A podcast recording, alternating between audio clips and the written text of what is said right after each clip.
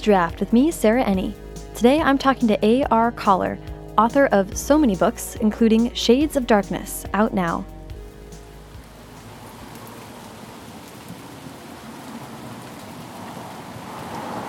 AR, or Alex, is a kind of real life Peter Pan character. Mostly because I feel like he must live outside of time in order to have achieved so much at such a tender age. He's lived overseas, joined the circus, trained as a yoga instructor, and written several book series somewhere in there. He's a man always on the move, with a true adventurer's gaze.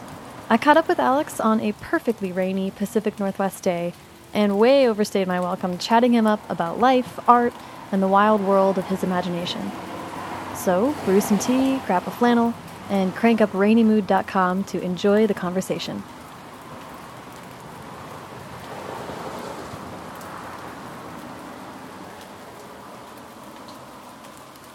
Okay, so hi, how are you? I'm doing great. How are you? Hey, good to see you. Good to see you too. I'm happy to be in Seattle to be talking with friends. I feel like we're gonna hear some lovely rain Yeah, sounds probably. in the background. Probably. So, do you mind introducing yourself really quick? Sure. My name is Alex Kahler. I also go by AR Kahler. Uh, so we I love to start at the beginning, which is where were you born and raised? Uh, I was born in Clinton, Iowa, which is a small town on the Mississippi, and I lived there until I was 16, and then I sent myself to boarding school and haven't really stayed put since then. I love how you phrase it that way. it's true. I mean, everyone's like, "Oh, I'm sorry, you went to boarding school." I was like, "No, that was it was my choice. I, I applied. I, I yeah." you didn't get shipped off to a military camp or something No, like that. no, it was an art school, so it's not exactly punishment. So I would actually like super. I'd be really interested to hear you talk me through like. You're obviously you weren't happy at the high school that you were at. Did you researched? You, what was the whole process of figuring out you wanted to do this? It was actually a bit of happenstance. My a friend of mine had gone to the school the year before, and he had gone for music and came back and loved it. And at one point in time, I was I remember I was in English class and I stretched backwards and there was this ad for it on the back wall. And at that point in time, I was like, well, this is like the most advanced class that I could take, and it's my sophomore year, so I was like, okay. I initially thought that I was going to go for music, but I had just taken a creative writing class, and it's like, well, I have a stronger portfolio here, I think, so I applied with that. So you had to apply for your specialty. Yeah. Oh my yeah. gosh. Yeah. What was the music you were gonna go for? Saxophone. Saxophone. Yeah. Do you still play? Uh, kind of. So you, where was the school? Michigan. In Michigan. Yeah. Michigan from Iowa. Yes. How is that? And, and a new school, a boarding school. I mean, this is like a crazy transition to make. Yeah, uh, it was important, and looking back, it was spectacular. It was hell at the time. Really? Yeah, it it was 400 students in the middle of the woods in Michigan. So there was a lot of drama, a lot of hormones, and everyone there is incredibly dedicated to their art. So it creates this really bad work complex from a very young age of like you are always working, you have tons of homework, you have yeah, the expectations were high. Interesting. Everyone's hormonal and like Yeah. everyone's terribly sexually frustrated because it's in the middle of the woods like boarding school so it was it was an adventure and i spent most of it going i cannot wait to get out of here Really? yeah That is so interesting. so, but you went for two years. Yeah. So you did graduate from there. yep That is a really good point. That that's a pretty early age to be like, I'm dedicating my entire self to one thing. yeah and it, it actually burned it out of me i went for two years for writing i almost switched majors my last year and one of the reasons was i couldn't write fantasy like i could only write poetry and nonfiction and like quote unquote literary fiction Really? Yeah. So hmm. the program and I had butted heads a little, a lot. Did you know that going in that that was the type of writing?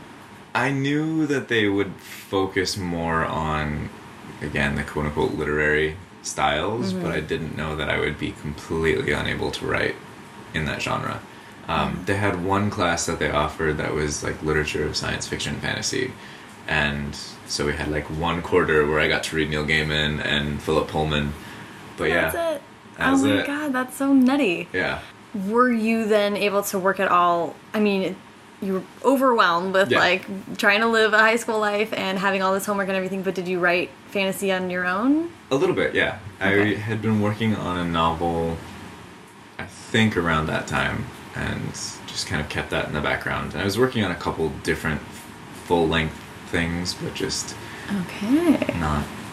That's so interesting. You you knew you were into writing. You had these like long form projects ongoing. I mean, when did you actually start writing? It was probably like sophomore year that I started actually looking at writing as a legitimate option. That is amazing. I think that's so cool. Just because I mean, even in like looking back on your bio and stuff to to make sure I had my questions in order, it was just like you have written so much.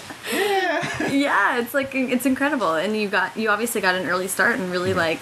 Do you write really fast? I do. Okay. Yeah, and that is actually one of the things that the boarding school taught me was how to very strictly manage my time and mm. create a lot of output. I mean, we would have like no. I I- still have my live journal entries where I would list like the assignments for the week, and I'd be like, well, I have two nonfiction essays, three poems, and like a short story to write, oh, plus my American Civ homework, plus my pre-calc, plus like all of this other stuff. So Because it's like you're taking an MFA, pretty much. but on top of everything Yeah. else. Yeah. That is wacky. I'm still on the fact that it is so interesting for a 15 year old to be like thrust into that. Oh yeah. And it's so Yeah. early to be like, when you take something that people are passionate about too early and like make Yeah. it so intense. I don't know. That's so interesting. So you kind of had a tough time, Yeah. but you graduated. What were you like? Where'd you go after that? Uh, after that, I went to Colby College in Maine Mm-hmm. for their writing program. I lasted a term there, and again, I was taking the more advanced writing courses, and it paled in comparison to what I had been doing in boarding school. So I was like, "This isn't it." Interesting. So I transferred to Marlboro College to go for language studies and anthropology. And I got there because at the time they had, it was like the only school in the nation I found that had Scottish Gaelic, Japanese, and then like a full like Irish fairy tale curriculum. Ooh. I was like, this is perfect. And I got there and they cut the program. So oh my god. yeah. so I was there for a year, and then I transferred to Bennington College, Oh my god. which is where I finally graduated, and I focused in visual arts. Okay. Yeah. Cool. What kind of visual arts? Uh, a little bit of everything, but the last, like the specific focus was photography. What were okay? Because I want to try to keep somewhat linear. Mhm. But you started writing so early. I know this is like all gonna overlap. It's all good. Um, so where did you said you were working even in high school on some of these larger projects? Yeah. Did those become the books that we know? What? what, what Yeah, uh, one of them did not. uh, I gave it to my agent. It, it had written it for years and rewritten it over and over, and I finally gave it to my agent. She picked me up for something else, and she's like, "No, this there's just It's not. it's clearly something that you started writing in high school, which is fine. Yeah, yeah, yeah, we yeah. all need to have that book or books. Mm-hmm. And yeah, so one of the projects that I had been working on was The Hunted, which is completely different from what I had started it as, but it was mostly just world building at the time. Uh, the world building that changed, or that? the world building stayed the same, but the characters and all of the different plot points changed. Interesting. Yeah. Okay. Um, and that is the book that you got agented with, Yes. right? Okay. Yeah. So you were writing that in high school. Yep. When did you finish that and start getting serious about that? I was working on it off and on. I basically stopped writing in college for most of my undergrad. And I think I resumed then after I graduated. So the draft that I had queried, I had finished writing after graduation. Why did you stop writing? Too many other focuses.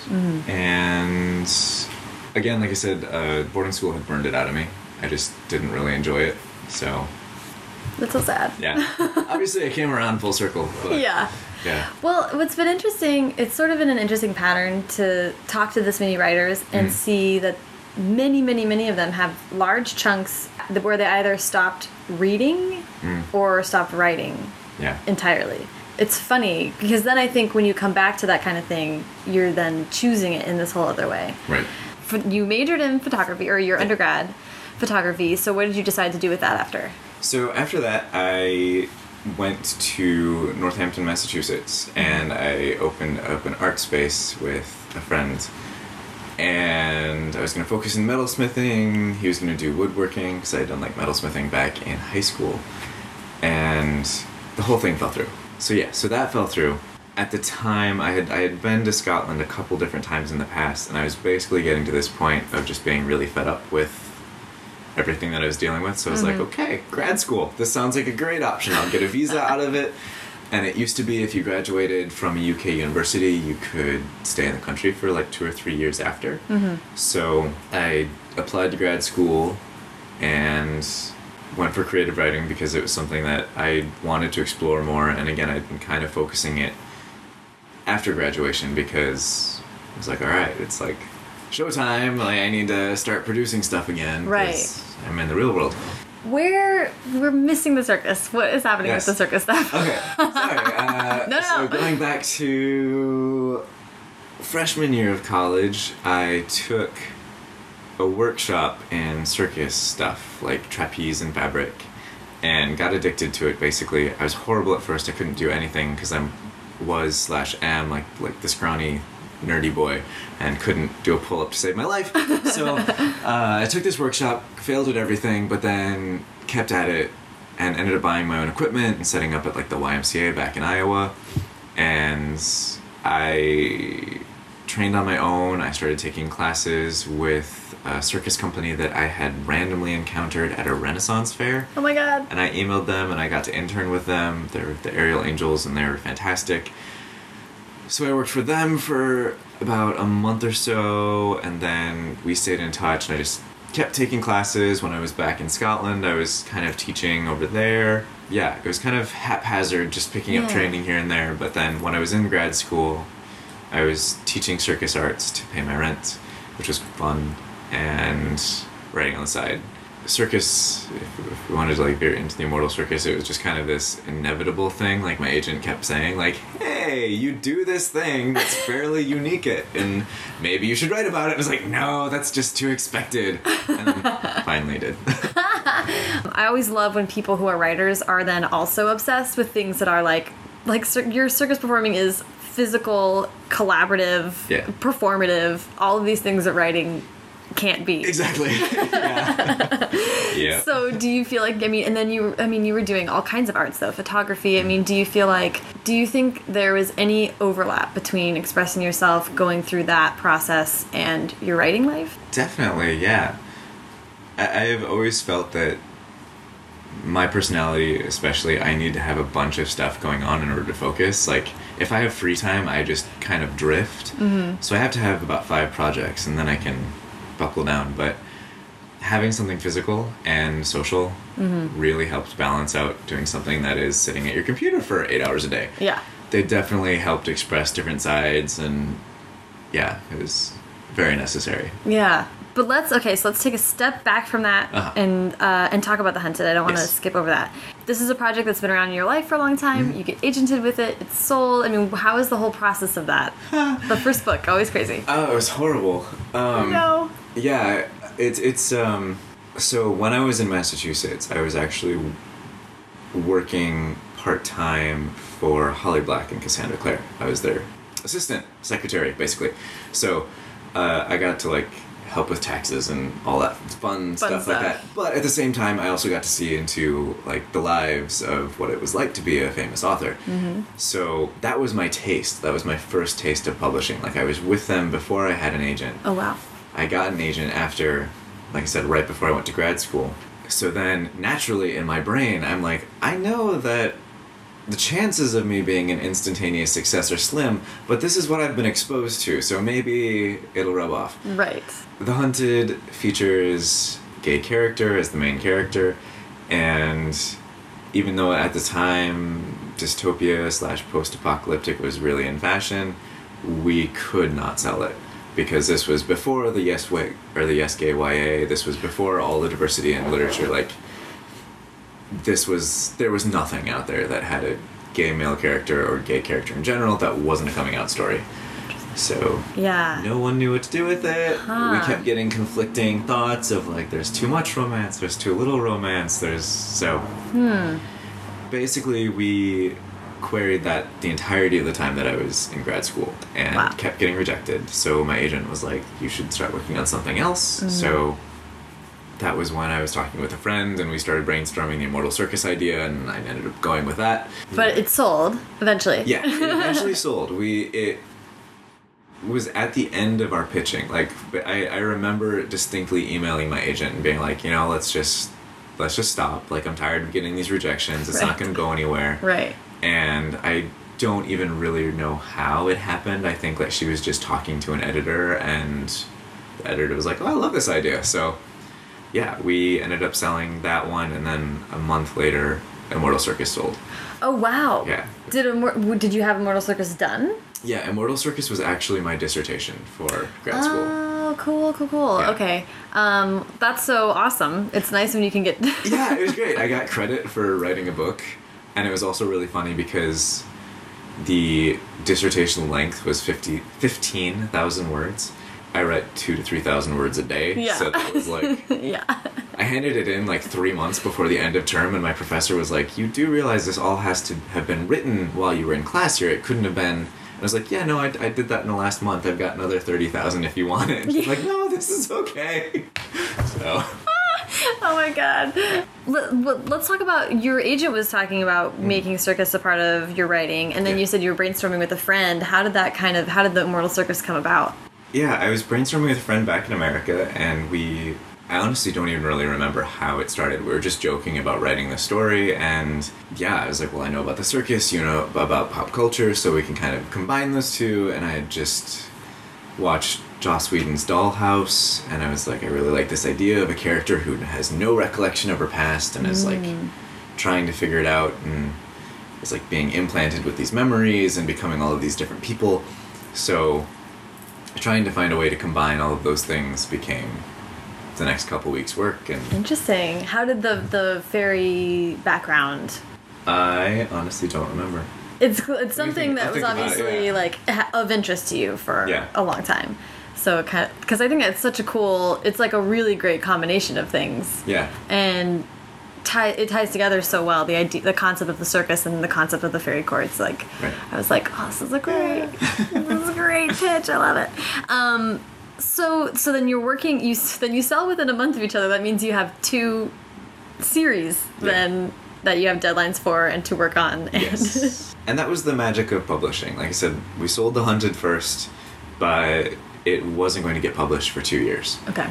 The immortal circus sold a month after and it was published two months after it sold Yeah. oh my god uh, because it was 47 North. They were doing this whole new serials program, so it was mostly digital, and so it was just rapid release. And wow Yeah, so we ended up actually getting the entire Immortal Circus trilogy out before the first book in the Hunted ever saw daylight. that is nuts Yeah. oh my god Yeah. with 47 north were you i mean was was it a similar editorial process just at warp speed or was it yeah, everything was highly condensed. Okay. Um, I laugh internally when all my friends were like, "Oh, I have like two months to finish my first round of edits. I'm so stressed out." And I'm like, I got emails that were like, "Hey, can you get this back to us next week?" oh my god I was like, "Yeah, sure. I mean, you're gonna put my book out there. Why not? I got nothing else to do. I don't need a life." So yeah, it was just as intense, just as many edits, and then yeah just much faster turnaround. that is wacky okay let's talk about the circus and stuff and then i want to talk about where you are physically because you had to move in the middle of all that Yes. and not be in scotland anymore which is so Yes. sad yeah, it was.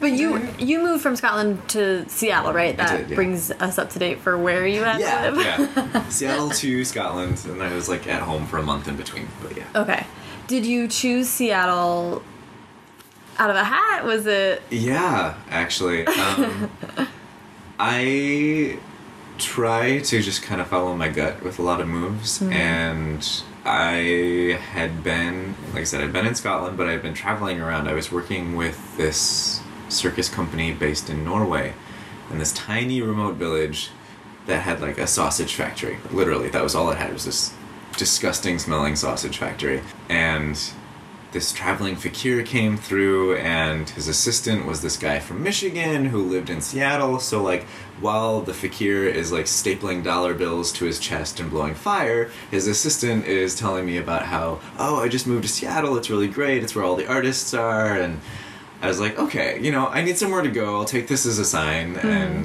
That's awesome. why not? We'll. I have to go somewhere. Well, that is amazing. So, and then, and that move happens while you're doing all these crazy deadlines Yeah. and writing for 47 North. What I wrote was like, okay, the circus is so much pulling from sort of real life. I wrote, why add fairies? I think it's interesting that really you could write a contemporary story about someone ri riding around in the circus. Yeah. But that's sort of not your interest. But fairies are great because they sort of come with that you get to play with all of the history. Yeah. They come with a story that's very malleable, mm-hmm. But has a lot of world building a little bit kind of built into it. Yeah. Yeah.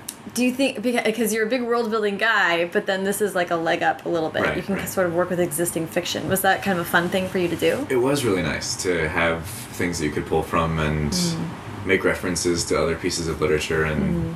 be like, this is it's legitimate. I can totally reference Shakespeare right now. This is great. I think one of the main reasons was I wanted we needed to have the element of the the loss of memory. Mm. um, because the whole point of the immortal circus is this girl basically trying to rediscover her past. Like she's she's joined this circus she doesn't know why. She starts having really bad nightmares and so adding in the fairy element and there's the whole idea of fairy contracts and like you know you never say thank you to a fairy. You never or accept anything that is offered to you from a fairy because it always has a hook and there's always something. Uh, that helped add in that element very seamlessly. And Yeah. then you also get like this sort of immortality thing of um, you know fairies can live forever and they can give you this magic that lets you live forever. So I think that's why I put them there. I think. We'll pretend it was really intentional and had a really great meaning at the time. I love that too, though, because sometimes you you work on these projects for so long and they're so intense that it really gets to the point where you're like, dude, I don't know. It just like Happened. I woke up in the middle of the night and wrote something down, and then it all like grows yeah. and Yeah, shifts and changes. Um, okay, so you finish the Immortal Circus, or you're like you're like full steam ahead on the Immortal Circus. That's going great. At the same time that the Hunted, and have you written the Hunted, the sequel, right? Well, because the Uh, Hunted is the series, Yeah. and Martyr is the first one. Yes. Yeah. Um, so you're writing Martyr Yeah. for two years while you're also writing all Yeah. three. yeah. Was working and editing Martyr for two years, and then also started working on the sequel to that right. while working on Immortal Circus. And did 47 North come to you and talk to you about a, a spin-off series, or were you, were you That was me. That was me much later. Uh, Yeah. After Immortal Circus came out, I still felt there was a lot to play with in the world. Mm-hmm. And I don't even really remember how it happened, but I just remember this opening scene just stuck in my head and this character. So I was like, I have to follow this. So we sent them a scene and a synopsis, and they said yes. That's cool. So- Yeah, because I wrote I wrote down. I was like, why go with the assassin? I mean, besides the obvious. Yeah, like, she was fun, and it, like I said, it was it was all this opening scene of just. Uh, I I really like writing badass female characters like that. If I have a thing, that is my thing. Mm-hmm. And this voice came through, and this sort of cocky yet self-effacing personality. And so yeah, I mean the opening scene is her basically using these medieval torture devices on a witch while like joking about his horrible apartment and I don't I don't know, just something about it. Like the opening line came to me and I was like, okay, this is we're going. we gotta go. Um, that is awesome. And the well, okay, the Immortal Circus is a heterosexual love story at Yes. the core of it, right? Yeah. And then in the Pale Queen, you get to go with lesbian romance. Yeah. Was that also fun to? Yeah, it was great. Um, the character, she was really hard to write, and she still is really hard to write because she's immortal, but she was raised by fairies. So, I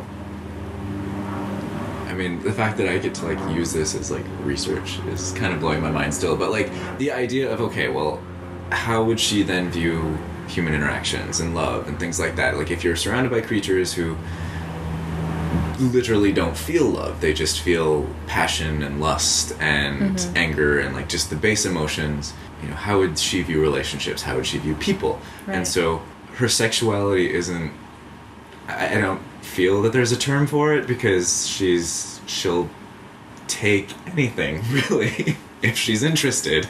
You know whether it's human or some fairy somewhere. So I'm like I don't I don't know what that is. Is that pansexual? Is it omni Right, she's- asexual I don't- Asexual. yeah, she's she encompasses a lot of other Yeah, things yeah. that uh, um, we don't need words for as human beings.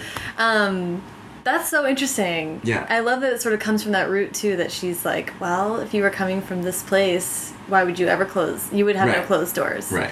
Hmm. So, but in in this one though, like the relationship is confusing to her though because she starts seeing this person, this this woman as more than just someone to sleep with. Like Mm-hmm. she starts developing feelings, and she's like, I don't know if this is because I'm romantically interested. I don't know what romance is. I don't know if it's because like I want a friend that's mortal because she doesn't have any friends. So nothing is ever clear, which is kind of makes it very difficult to write what her emotions are because no, I don't know. She doesn't. She doesn't know. have the vocabulary for it. Oh, that's a really unique challenge. Yeah, I don't know if I'm doing it right, but I'm hoping. yeah, yeah, yeah. No, and I think if you're thinking deeply about it and and you know you're playing with it, then it's at least certainly like really interesting. yeah. I like when I think that happens a lot with sci-fi and fantasies. People are like, you have to explore this thing, but your main character doesn't understand what it is yet, Right. or you can't use these words that the reader understands. So it's kind of having to jump back and forth between what is true for the character and what will make Yeah. that understandable for the reader. That's really tricky. Yeah. how do you? I mean, how do you think about that? What do you? Is it more important to you to be true to the character, or to make sure that she's understood? I think it's more important to be true to her. Ideally, that would then come across, even if mm-hmm. it doesn't make sense. I have to be okay with the idea of like an unreliable narrator. Like, she doesn't understand what she's feeling, she doesn't have words for it, and that's okay. Like, I don't have to have a concrete answer mm-hmm. or or label to place on her. Like, Yes. she's figuring it out, and she might not figure it out. Right. Yeah, that's an option. She can be confused the whole time. yeah. Uh, who among us is not Exactly. confused the whole time? Um, I, I love that that was that it was your idea that it was coming from you, um, and I really love talking to people who do who write these really intense series. You must really just love being in that world. Yeah, I do. It's it's a great world, and it's there it, again. It just it feels like there's so much to play with. Is there a comfort? I mean, what I'm guessing is that you would get to the point where this world is so complete for you and you've built you've structured so much of it that continuing to write in that is like a relief maybe or as opposed to starting a brand new Yeah, I mean, you, you kind of know the rules, but it's because it's a magical world. The rules can change when you need them to, which is highly convenient they don't always plot things out crazy far in advance. but uh, it feels more homey, I guess, than some of my other ones do. Okay, let's talk about what is going on with the Hunted series, and then we'll talk about Shades of Darkness. Sure. If you don't mind, just kind of guide us through what is going on with that series Yeah. and that process. Um, so, like I said, we had about two years with Martyr before it came out, and um, when it did finally release, the publishing house that I had gone through was undergoing a lot of changes, and a lot of them weren't so good for the release of the book. So, we ended up uh, calling on a couple lines in our contract and just buying the rights back because uh, looking at it from a distant standpoint, we just knew that they weren't going to be able to promote the book as well as we were hoping. And again, I am still in love with my editor, and I talk to her all the time, and I am like incredibly grateful that they ever took me on. But it's just the, the knowledge of like, okay, they're kind of going in this direction. We need to go in this direction. So it was very civil and no bad emotions breakup. yeah, yeah. I mean, that's so interesting. Yeah. Were you. This is the kind of like technical stuff that it's like Yeah. tough for writers to have to deal with. Yeah. Like talking about copyright and contracts and all that. I mean, this is why we bless our agents. exactly. so is it her kind of guiding you through like this is the vision that she had for your career and Yeah, yeah. I mean, I definitely had a bit of a hand in it and saying like, okay, you know, this is what's happening in these other areas, and we're making this sort of forward progress, mm-hmm. and the way we're going with this, can we make it mirror? And it's also like the difficulties of publishing that you're like technically not allowed to talk about anything that it's like what happens at Fight Club stays at Fight Club. Yeah. We don't talk about Fight Club. so in the most roundabout way, it was just yeah, it, we needed to go somewhere else, and it was difficult because obviously like we had you know it was the first book we had sold and my editor and i with martyr were super passionate about the project and Mhm. like 120% and then it launched and there was just the in company stuff that we're like okay we can't Right. can't give it our all anymore so So frustrating. yeah But so so you have plans, future plans for this series. yes um, right now uh, apparently dystopia and urban fantasy are still kind of like Out little- yeah. uh, everyone wants contemporary, but I have heard that it's coming around and people are now wanting it again because this is publishing and everything cycles. So hopefully within the next year or so, we're gonna resell it. We already have some ideas of where to go, and cool. if not, we'll self-publish it and still Mm-hmm. get something out there. Have you gone in? I mean, it's sort of like an also this like chance to rebirth and renew. Have you gone Yeah. in and made any changes? No, Okay. not yet. uh, it, it stares at me all the time. I don't want to read it right now because I know that I will just nitpick everything, and I it's the book that I've rewritten the most number of times. So I kind of just want to get it out and not ever see it again. I love it dearly, and it was like such a work of pain and passion. But I'm just like, it's you're done. Well, thank you for talking about it because I think it's so interesting and helpful when people know that this kind of thing can happen and it's and it's not the end of the world and No. the story still has still has life. Oh yeah. Um, where, when, where did Shades of Darkness come from? It originated in Scotland. Mm-hmm. You had mentioned waking up in the middle of the night and having an idea, and it goes from there. I had insomnia, and I was lying in bed, and it was like three or four in the morning, and I was just falling to sleep. And this line went through my head, which was The Godchild was born in the tangled roots of the world tree. And I just had this image of like this baby cradled in these roots underground. And so I wrote it down, woke up the next morning, and was like, oh, that's interesting. And just kind of let it lie. Mm-hmm. Over the next couple months, that's when I started traveling through Norway, and I was like, I, getting really interested in Norse mythology and just world mythology in general and all the different overlaps. And then I also really wanted to write about my time at boarding school. And again, it's the usual writer answer of like, I don't know where. Like, the characters just started talking to me, and suddenly I had this character, and I had her best friends, and their voices were just clear as day. And I was like, okay, this is set in my boarding school, and we're just gonna go with it. So, Yeah. So you did consciously definitely want to return to revisit Yeah. the boarding school days definitely. Um because you've had enough distance, or yeah, uh, had enough distance, and it was really starting to haunt me at the time. Like just all the the memories and the experiences of being in such an enclosed space and in such a, a unique atmosphere. I mean, because it's it's winter in Michigan in the woods, so everything is covered in snow and quiet. And at the time, I was living in this big city, and I was mm.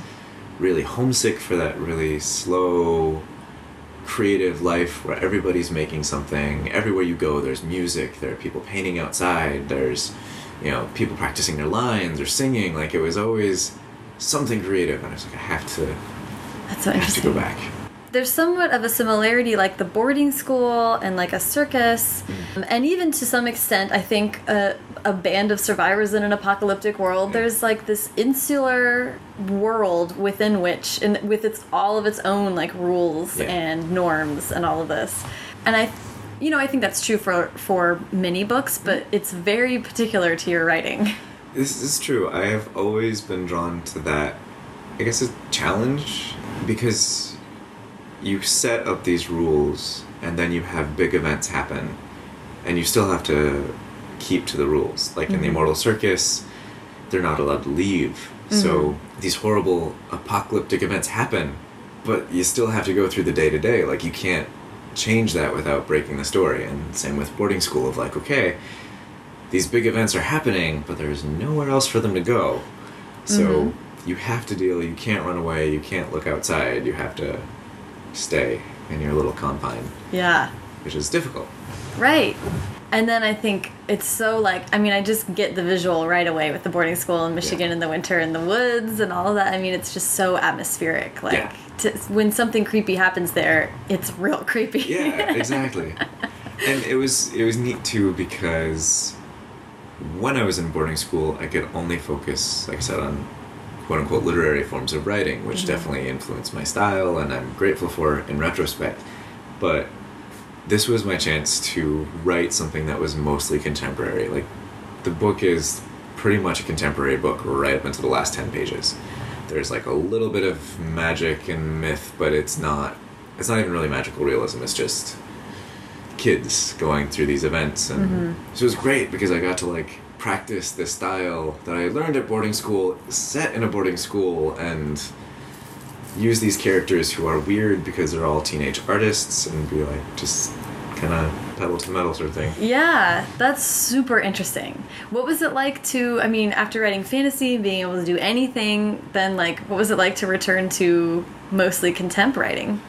It was difficult, but also really exciting because it meant I got to lay off the world building for a while and actually focus on character development and relationships and all these things that I felt that I struggle with.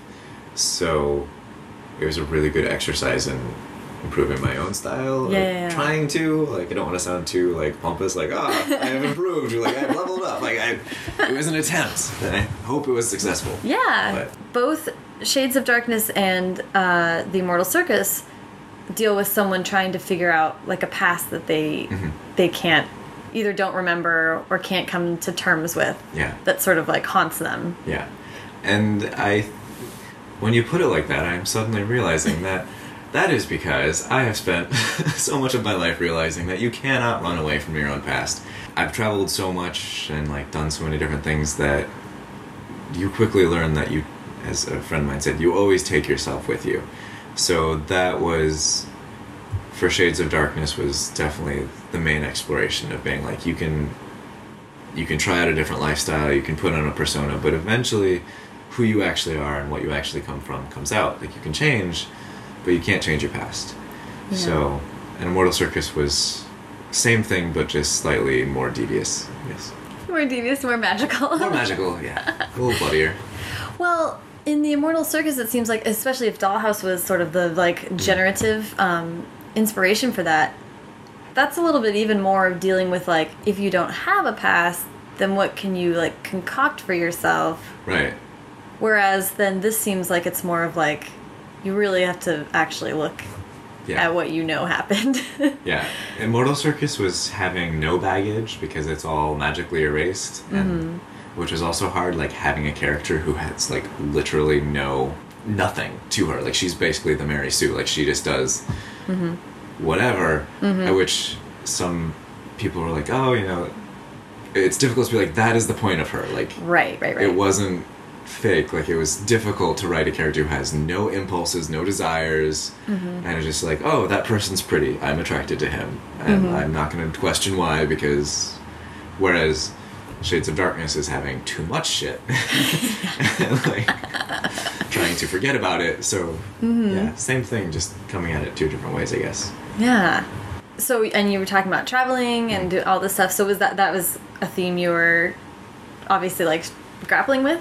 Yeah, yeah, just the idea of home and what it means to have found your place and you know, make your mark and all of that sort of stuff, Yeah. which I feel everyone is probably struggling with. So. You know, I don't know if they are. Oh, damn it. well, I think I think um, that I relate to what you're saying in in that I think everyone is trying to find themselves. Yeah. But I think that that you and I and some other people who are similar to us have made the actual physical experience of the world Yeah. a big part of that mystery. Um, I am also a big fan of picking up and moving when uh, whenever you can. Yeah. But it does then, yeah, you feel like you get to be a new person when you get there, but um, not really. Right. You just sort of. I was telling a friend when she was getting ready to move away from home for the first time. I was like, well, when you move, you don't become less of yourself. What you do is you get to just scrape away all the stuff that uh, wasn't really you Yeah. anyway. Yeah. And that you were just doing because of where you were, who you were with, or all those things. So for me, I think it's become a whittling down, Yeah. and that's been positive. But then also, you can't just like you can't always be succumbing to like, oh my god, I'll I'll just be this other person entirely, or I'll then all of a sudden this part of myself that I don't like will just won't I won't do those things. It's like, well, guess what? You will.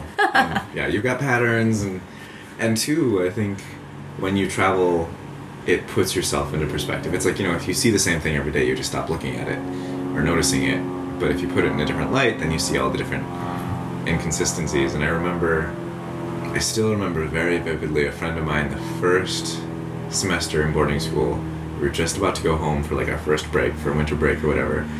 And she goes, You're gonna get home and you're gonna look in the mirror and you'll recognize yourself, but nothing else is gonna feel the same. And it was weird. Like, I went home and I turned on the light in the bathroom and looked in the mirror, and it's like everything looked different. Like, I looked different, the room looked different, just because I was. I had experienced this whole different lifestyle and then was stuck back in my old one. Mm-hmm. And it's the same, which means it doesn't feel the same. right, Yeah. right. Yeah, the paradox of growing and changing. Yeah. And then if you develop a kind of comfort with that or or if you are perpetually interested in that feeling, then you can become one of these Rolling Stone people. Yeah. And I'm interested in, in the idea of home because that was what started this whole podcast project of course was moving around trying to find a place that yeah was i think I s part of me was secretly hoping i would just get out of the car one day and be like oh i found it, it Oh, I it's know how been waiting. it's been waiting here for me. Um, that hasn't happened a 100% yet. I found places that i love for a lot of reasons but uh, i don't know if it ever will do you feel like you're searching for that are you Oh, yeah. okay Yeah, exact same thing. Whenever I travel, there's always a really big chunk of me that is looking out and going, could this be the next place? Yeah. To what extent? I do want to ask a lot more, a little bit more about boarding school because I think it's fascinating. Sure. Going back to boarding school in this way, you knew you wanted this to be based on your real school. Mm-hmm. How much? How much did you want to be literal? How much did you pick and choose? Uh, it's pretty literal. uh, I changed a couple things, but it was such a weird place that I didn't need to change a lot to make it seem fictional, I guess. um, it's this weird bubble, and I was like, I don't really have to change too much. Yeah, that is so. I mean, you really you must have felt like you were on a spaceship. yeah. yeah. A very small spaceship. yeah. Um, like I'm feeling like if you went to sci-fi, you would just like that would be such a natural yeah. So the did you um, with Shades of Darkness? Did you know that you also wanted that to be a series? No, actually, when I first wrote it, it was a standalone, and I was super excited because I had finally written a standalone, and uh, plotted it out chapter by chapter, and it just kept getting bigger once I actually started writing it. And again, it, almost all of my books that have come out, the first book has been rewritten at least three or four times. Really? Like fully scrapped, rewritten. So Shades of Darkness was rewritten, I think, three times. And like we cut out voices, we cut out plots, we cut out characters, and there used to be a really thick fantasy element throughout the entire thing. Oh, really? Like this whole different fantasy character It was like an equal voice, and it switched every chapter. Wow. And then cut that one up, and Oh my god. I forgot what the initial question was. Um, the whether or not it was always going to be a series. Oh, so no. no. what was the uh, and then it, I mean it just kept growing. It just kept building out of control because Yeah. your your original inspiration was not really like a contemporary inspiration. No. And that's the weird thing is that I've deviated so far from the initial inspiration. I still wonder if I will like write that book eventually. Yeah. I, because this one is so contemporary and it will tackle a lot of the images and the the scenes that I wanted to explore, but I don't know if there's still a different book nestled in there somewhere. From the other phrase. It might be a standalone. I don't know. Ah, can you do it? I hope so. I just want to write standalones from now on. Yeah, I was actually gonna ask that. Are you like series burnt out or? Well, I thought that at the end of Immortal Circus, and clearly that didn't, tire me from writing series. I get I get addicted to the worlds. Yeah. Um, yeah. The irony is that we we sold the book, gave it to them, and then I had been talking with my editor, and I was like, "Hey, listen, before we make any headway, I actually kind of want to rewrite the entire thing and take out this character and do all this stuff." And he had that tentative, like, "Yes, okay, I'll trust you." I was like, "Don't worry, I got it under control." And so I rewrote it and sent it to him. He's like, "Oh shit, that's better." so That's great. yeah, Ooh, that's that's really yeah. I I hadn't thought of it through his point of view of like I just bought this book and now the author wants to scrap it basically and start over. Oh my god. I like hearing you say that you rewrite that much because I am in the same boat. yeah, I think that the fir- the quote unquote first draft is like a joke. By the end of it, Oh, I'm yeah. like, oh, I think I know what my characters' names are now. Right? That's really Maybe. usually the only thing that stays. Yeah. and still there are characters in Shades of Darkness. I'm like, I don't know if that's your name. Too late.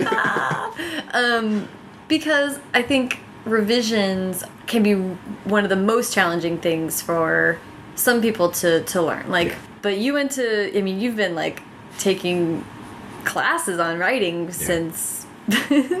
like forever Yeah. um and i actually went to school for journalism which Ah. is just so intense about Yeah, it and right. uh they they are heartless bastards when it comes to revisions so Yep. that was Make it bleed. thick skin right away. Um, but it is hilarious to talk to people about a book when you're when they're like, "Well, what did you change? Oh, this revision. What did you change?" And you're and I, for my book, I'm like, "Oh, well, in that other draft, I didn't know what they were um, stealing Right. of this heist. so now I have to change the book because I know what's in the bank." Oh my god. exactly. Yeah. And then, and I like I said, I even plot the full thing out in advance, and it still changes entirely by the time that I get to the end. And sometimes I can force myself to stick to the plot line, and that helps. But are you are you at a point where you can even think about what's after all the things you have on your plate? Uh, yes. I mean, no. No, I'm not. But I still do. uh, ideally, I said, ideally, Martyr will sell, and we'll get that one out in the next year or two, which would put me writing two more books in that series because it's supposed to be a four book series. Oh wow. We have Shades of Darkness, the full trilogy to finish, and then one more book in the Pale Queen series to write. So I've got that on my plate. But then when I was driving to Burning Man, I was listening to this Charles Manson documentary with Kirsten, and one of the lines in it sparked this entire idea for a contemporary standalone. Fingers crossed. But I don't know anything about it besides the title and the main characters. Can you tell us what the line was? I don't remember the context, but something about they called it the twisted evil beauty, Ooh. and I was just like, oh, I like those three words. That's a great combination. So This is a great combination. yeah, so no one steal it. well, listen, a hundred different writers would write a hundred different contemporaries true, with that that's true. combo. Um, that is really cool. I like that. But yeah, those like plot bunnies show up and you're like, God damn it! Really? you were talking about thinking a lot about community building, Yeah. finding community, and you spend almost all of your creative time world building. Yes. I'm just curious about the correlation there. When you're world building and creating a whole world, Mm-hmm. I think you're showing yourself parts of like what's important to a Ah, world that you okay, want to yeah, build. Do you think, or Totally. And I, I feel that since my job is so insular and so solitary, um, that's sort of my sanity anchor. So creating a world that is a community based thing, it helps shine light on of like, okay, this is actually how I wish my life was which you know I love being a writer and I love that freedom but at the same time like you know it would be great if I had a job where I had coworkers and like had a water cooler to talk around or something Right, so right. um, whether it's a small writing community or an artist community just like having that sort of background to be creative in would be really helpful I think so that's probably why I'm really drawn to it both in my writing and in the exploration it's just being an artist in general is not usually a, a communal activity right? so i think it's natural that we're then drawn to figure out how to make that happen Yeah, maybe yeah. Which you, which um, all the moving and all of the displacement that you've experienced, sort of the world of the immortal circus has like been there for you to go to. Mm-hmm. the, throughout. Yeah. So that's like remained a safe it's, place. It's been a nice little constant to return to. Yeah, that's really nice. So, um, the so the last thing is writing advice. But first, I just want to see: is there anything else that you wanted to to be touch on? You know what we didn't I didn't explicitly ask you about is um, is LGBT representation in your Oh, books. yeah, sure. Um, because you have been like really vocal about how you are you have sort of a point of view that you want to be explicit about Yeah. with writing gay and lesbian characters, LGBT, a whole spectrum characters within your Yeah. books. How did how did you come to having this sort of like stance on it?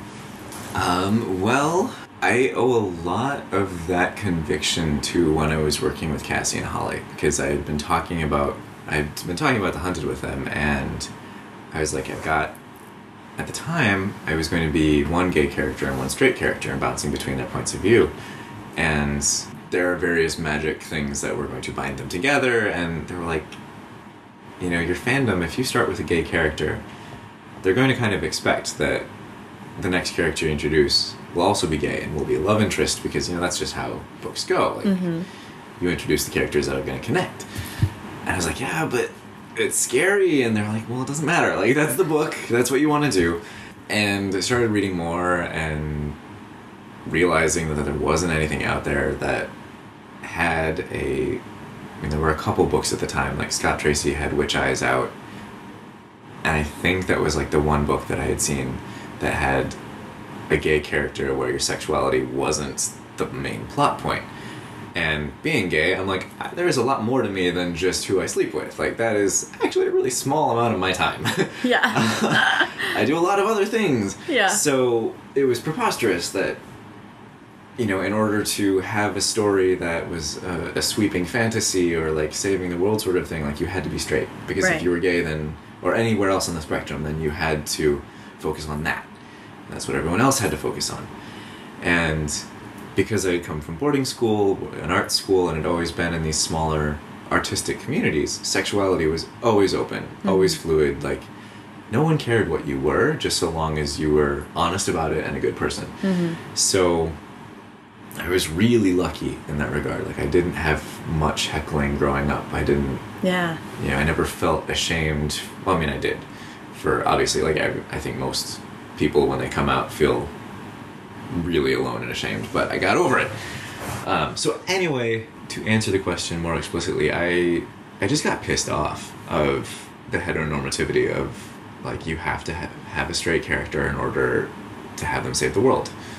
And I was like, well, why? That that makes no sense. So Martyr, as I said, had gay characters. It was this huge, huge overarching gay love story, and it was hard to sell. And I was talking to my agent, and she's like, you know, you're a debut author, and I know that this is what you want to write, but if you want to get your foot in the door, you're probably going to have to do X, Y, Z. Mm-hmm. So I did, and it sold, Mm-hmm. And it helped get the foot in the door, and Yeah. now I have more freedom to to play that. And you know, it's funny because I I don't read my reviews, but when Pale Queen Rising came out, I looked at it like you know a couple weeks in, and there was a one one star review at the time. And I was like, oh shucks! I, I read the title and I was like, I have to read this. And it was something about the title. It said something like authors need to stop ruining books with sexual perversion. And it was this person who wrote this long review about how she didn't get very far into the book because very early on the main character started having these lesbian fantasies. And authors should note that if they want to have a readership and make money you know they should stop doing this because you know the good people out there are going to take their money elsewhere. And i was like you know obviously i, I don't respond i can't respond but Never. like no never respond. Don't touch Never- that. but it, it pissed me off i mean I, I laughed a lot actually i saved it i screenshot it like, this is the best review i've ever had because i mean a she didn't take her money elsewhere like she bought the book Right. so Right. i already have that so like, thanks yeah. Um, yeah. the comments in it were great like everyone responding and being like didn't know if i wanted to buy this book but your bigoted review made me buy it and i was like yes this is how this is supposed to work Yes. like, but the you know so first i laughed it off but then i've been thinking about it lately and it shows a lot of the problems in our culture that literally this this main character tortures and kills a man in the first 5 pages. 20 pages in she starts having thoughts about a woman. And it's totally okay. Like torturing and killing someone, we can read about that. That's fine. That doesn't mm-hmm. push any boundaries. But the moment sexuality deviates from the, the quote unquote norm, Yeah. that's when it's no longer acceptable. And it made me think like, okay, you know, like it's like ridiculousness of like television. You know, you can show so much blood, gore, and violence, but you can't show a woman's nipples. Yeah.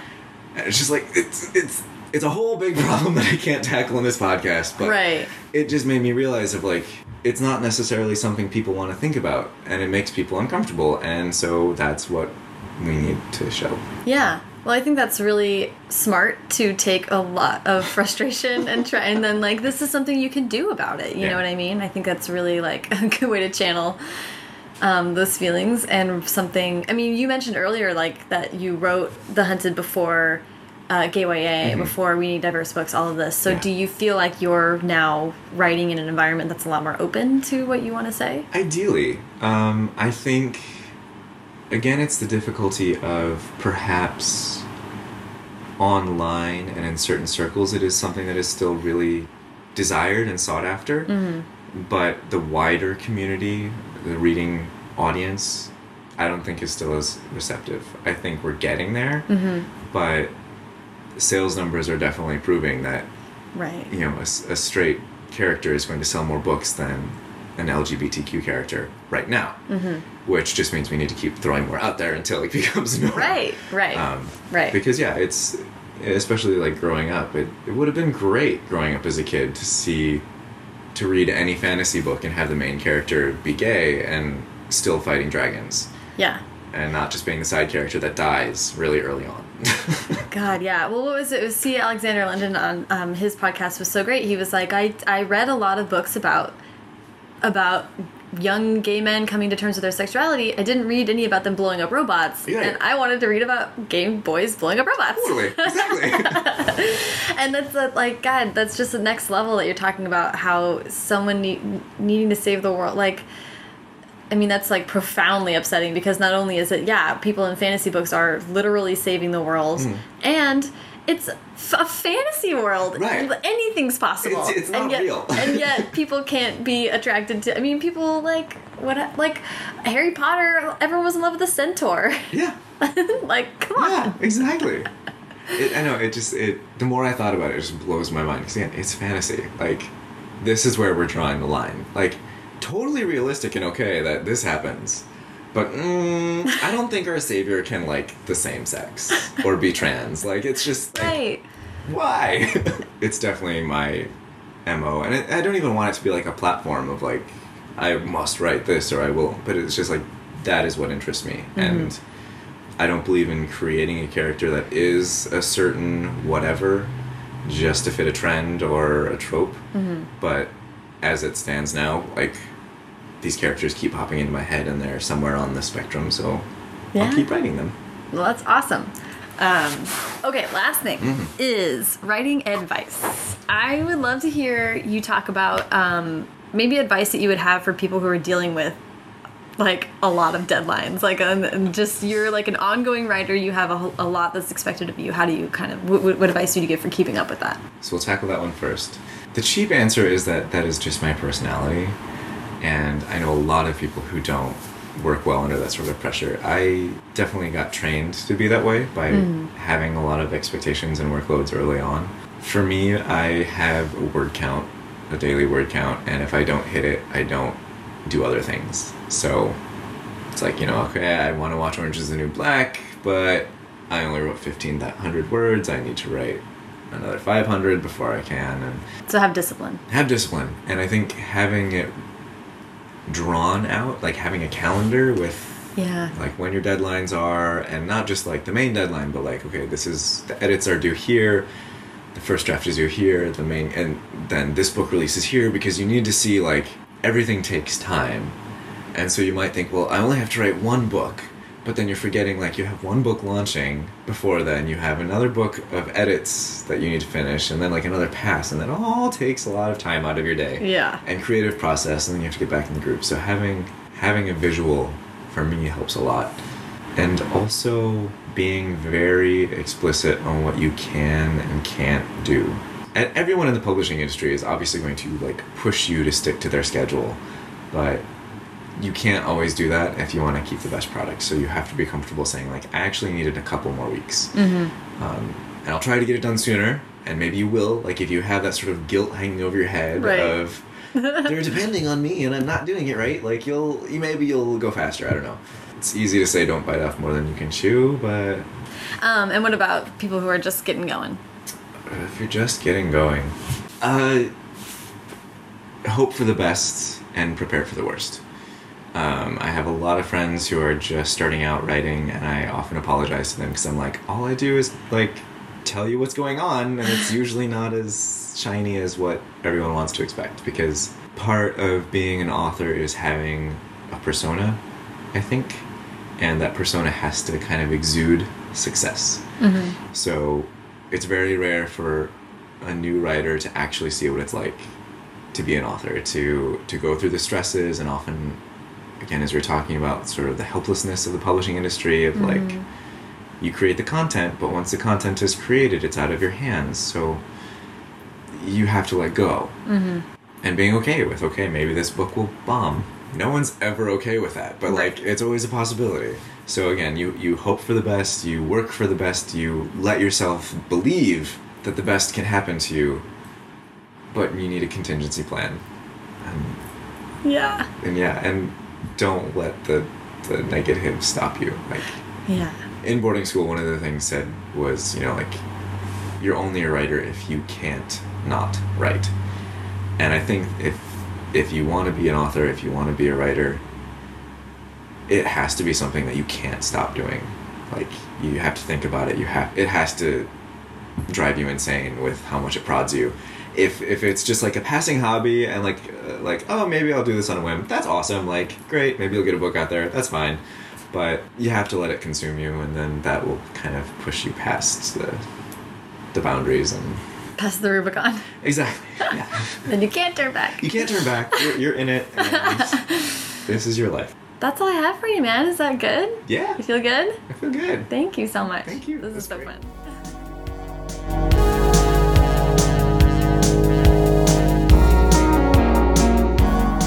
So much to Alex.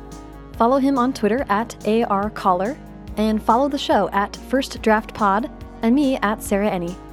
You can find the show on Facebook and get a sneak peek at future interviewees on Instagram.